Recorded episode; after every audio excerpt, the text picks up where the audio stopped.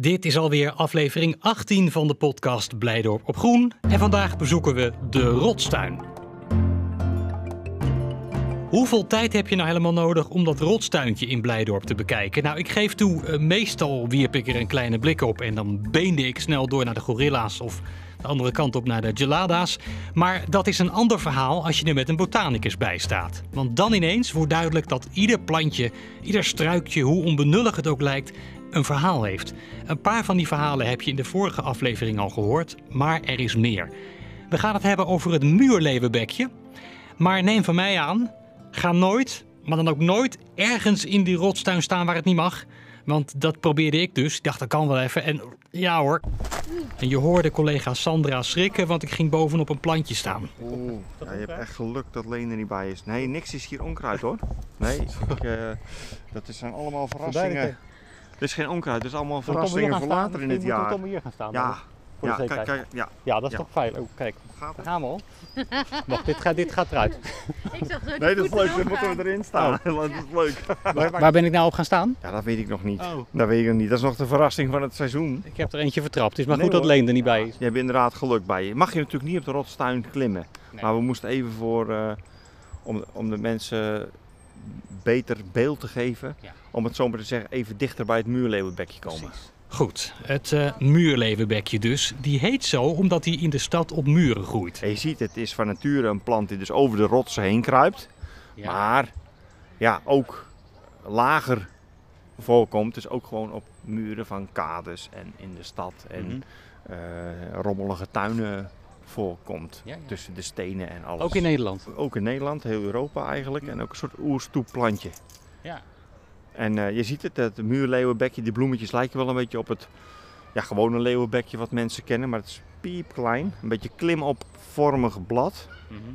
Nou, die bloemetjes zijn niet groter dan een eh, millimeter of acht. Ja. En eh, ja, lila kleurig. Ja. Ze vallen heel erg op, zeker als ze in zo'n tapijt groeien, zo'n dichte pol bij elkaar.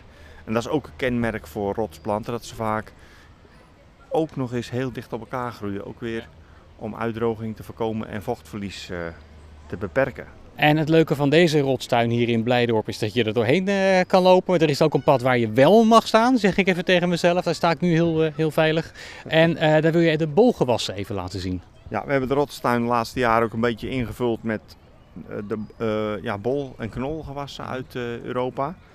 Vooral uiensoorten en tulpensoorten zijn eh, een beetje kenmerkend voor zo'n zo'n bergbiotoop. Ja. Er zijn wel nog veel meer soorten hoor. En zeker als je kijkt naar eh, andere delen van Europa. En, eh, maar, maar de tulpen hebben we even voor gekozen nog. en voor wilde de- tulp, hè? Dus het is geen keukenhof dit. Nee, het is geen keukenhof, nee. Maar, en de tulpen vormen eigenlijk wel met, met, ja, met hun basis ehm, het uitgangsmateriaal voor al die hybrides die we nu hebben. Al die honderden soorten tulpen die we wel in de keukenhof kunnen zien. Maar de wilde voorouders hebben we in de rotstuin eh, bij elkaar gezet. Ja. En dan maar gewoon een paar soorten. Hè? Want het verhaal natuurlijk dat die tulpen uit Klein-Azië, uit Turkije, eh, via Nederland zijn gekomen. Heel die tulpenhandel kwam toen Ja. tot op gang. Hè? Ja, Er is niks Hollands aan de tulp eigenlijk, hè? eh, Nee, ja, uiteindelijk wel nu. Maar oorspronkelijk Ja. is het echt een, een plant die uit Klein-Azië kwam. Ja. En via ja, een geschenk, geloof ik, via Turkije toch naar Nederland is gekomen. Ik zou nog een heel boek eigenlijk door moeten lezen over eh, de dat tulp en hoe die ja. tulpomanie ontstaan is. Ja. Misschien is het wel leuk om daar eh, ook nog eens een keer een podcast aan te, aan te besteden. Ja, ja, ik Maar weet, in de Bollenstreek zijn mensen die daar heel veel van af weten. Ja, ja ongetwijfeld. En eh, ook die handel en die enorme prijzen die toen betaald werden voor één enkele tulpenbol. Ja. Maar eh, ja, nogmaals, die wilde tulpen zijn wat lager. De bloemen zijn wel heel mooi van kleur, alleen die blijven wat, wat korter eh, ja, zichtbaar. Maar nu hebben we dit voorjaar wel heel veel geluk gehad. En dat zie je eigenlijk weinig.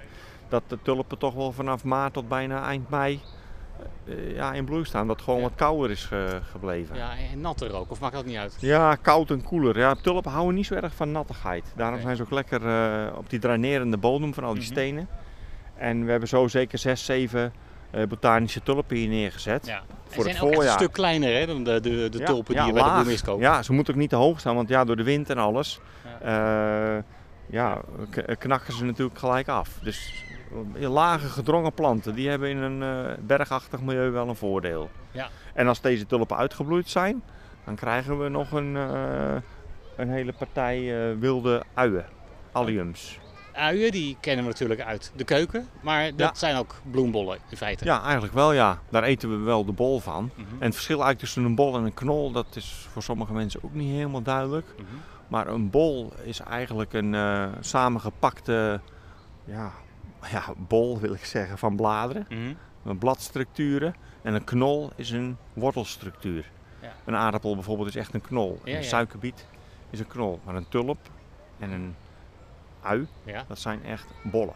Zou je dan ook een ui die je bij de supermarkt koopt in de grond kunnen zetten? En Komt er dan ook wat uit of is dat een hele domme Ja, vraag? nee, nee, nee, nee. Domme vragen, dat, die heb je eigenlijk niet. Oh. Alleen domme mensen die. die- nee, nee, dat is ook niet waar. Eh, de, die, die uien kan je gerust in de grond zetten. Ja, je kan ook gewoon pootuitjes kopen en dan Ja. in je moestuin of in je volkstuintje eh, plaatsen. ik ben En- gewoon nee, benieuwd wat voor bloem er dan uitkomt. Ja, een aardappel ook. Laat maar liggen in de kast. Ja. En kon, zien wat eruit komt. Ik wist ook niet dat er planten uitkwamen natuurlijk. Maar dat uit, die, uit die puntjes komen echt Ja. eh, planten tevoorschijn, ja. Ja. En eh knoflook is ook zo'n eh, ui. Ja, uien vormen eigenlijk een, eh, een plantenfamilie apart. Mhm. En hier zie je dus echt die, die, zo'n hele lange steel. Met stengels, ja. En daarop een, een bloemhoofdje, zoals dat heet. Ja, ja. En aan dat bloemhoofdje zit dus allemaal korte stelen. Daar komen dan dus eh, meestal eh, gele of paarse bloemetjes uit, of vaak wit. In zo'n bloemhoofdje, een soort, soort drum, een trommelstokachtige structuur. Ja, het lijkt heel goed inderdaad. zien. Ja, dat lijkt Maar zo'n inderdaad. reuze ui ook, dat kan wel, die bloemstengel kan wel een, eh, een meter hoog worden of, of hoger zelfs. En dat bloemhoofd, een doorsnede van 30 centimeter. Met daaraan dus die stralen waar dan weer bloemetjes op zitten. Dus dat is geweldig. Reusuien kan je niet eten, zijn niet lekker. Dus die moet je echt voor de sier eh, hebben. Nou, ze staan hier ook, hè, dus eh, als Ja. mensen bij een volgende bezoek... Ja, niet eten, want Ja. de moestuin is verderop. Daar staan uien, die, zoals bieslook bijvoorbeeld. Die iets vertellen over eh, ruiken en proeven. dit is echt gewoon om te wandelen en om te genieten hier, de Rotstuin. eh, Ja. Bij de Gelada's, voor mochten mensen zich dus nog afvragen waar die staat. Hier in de rotstuin staat ook nog een bijzonder viooltje, maar die laten we nu even voor wat het is. Want die past namelijk perfect in een ander thema waar we vanaf volgende week even op gaan focussen. Dan gaan we het namelijk hebben over mieren en hun samenwerking met planten. Daar is van alles over te vertellen. Dus voor nu wilden we net de rotstuin verlaten en toen eh, gebeurde het. Een eh, kind die dacht ik klim even op de stenen. Oh, nee. Nee, dat ga, nee, ga maar terug. Ja, oh, de, Moet even een kind uit de Rotstuin gestuurd oh, worden. Oh, oh, Oh, die gaat... Echt dwars door alles heen. Nog een keer. Oh, kind toch. Hoeveel stappen kan je zetten? Dan heb ik nog maar één plantje vertrapt, dat valt er nog mee. Oh ja.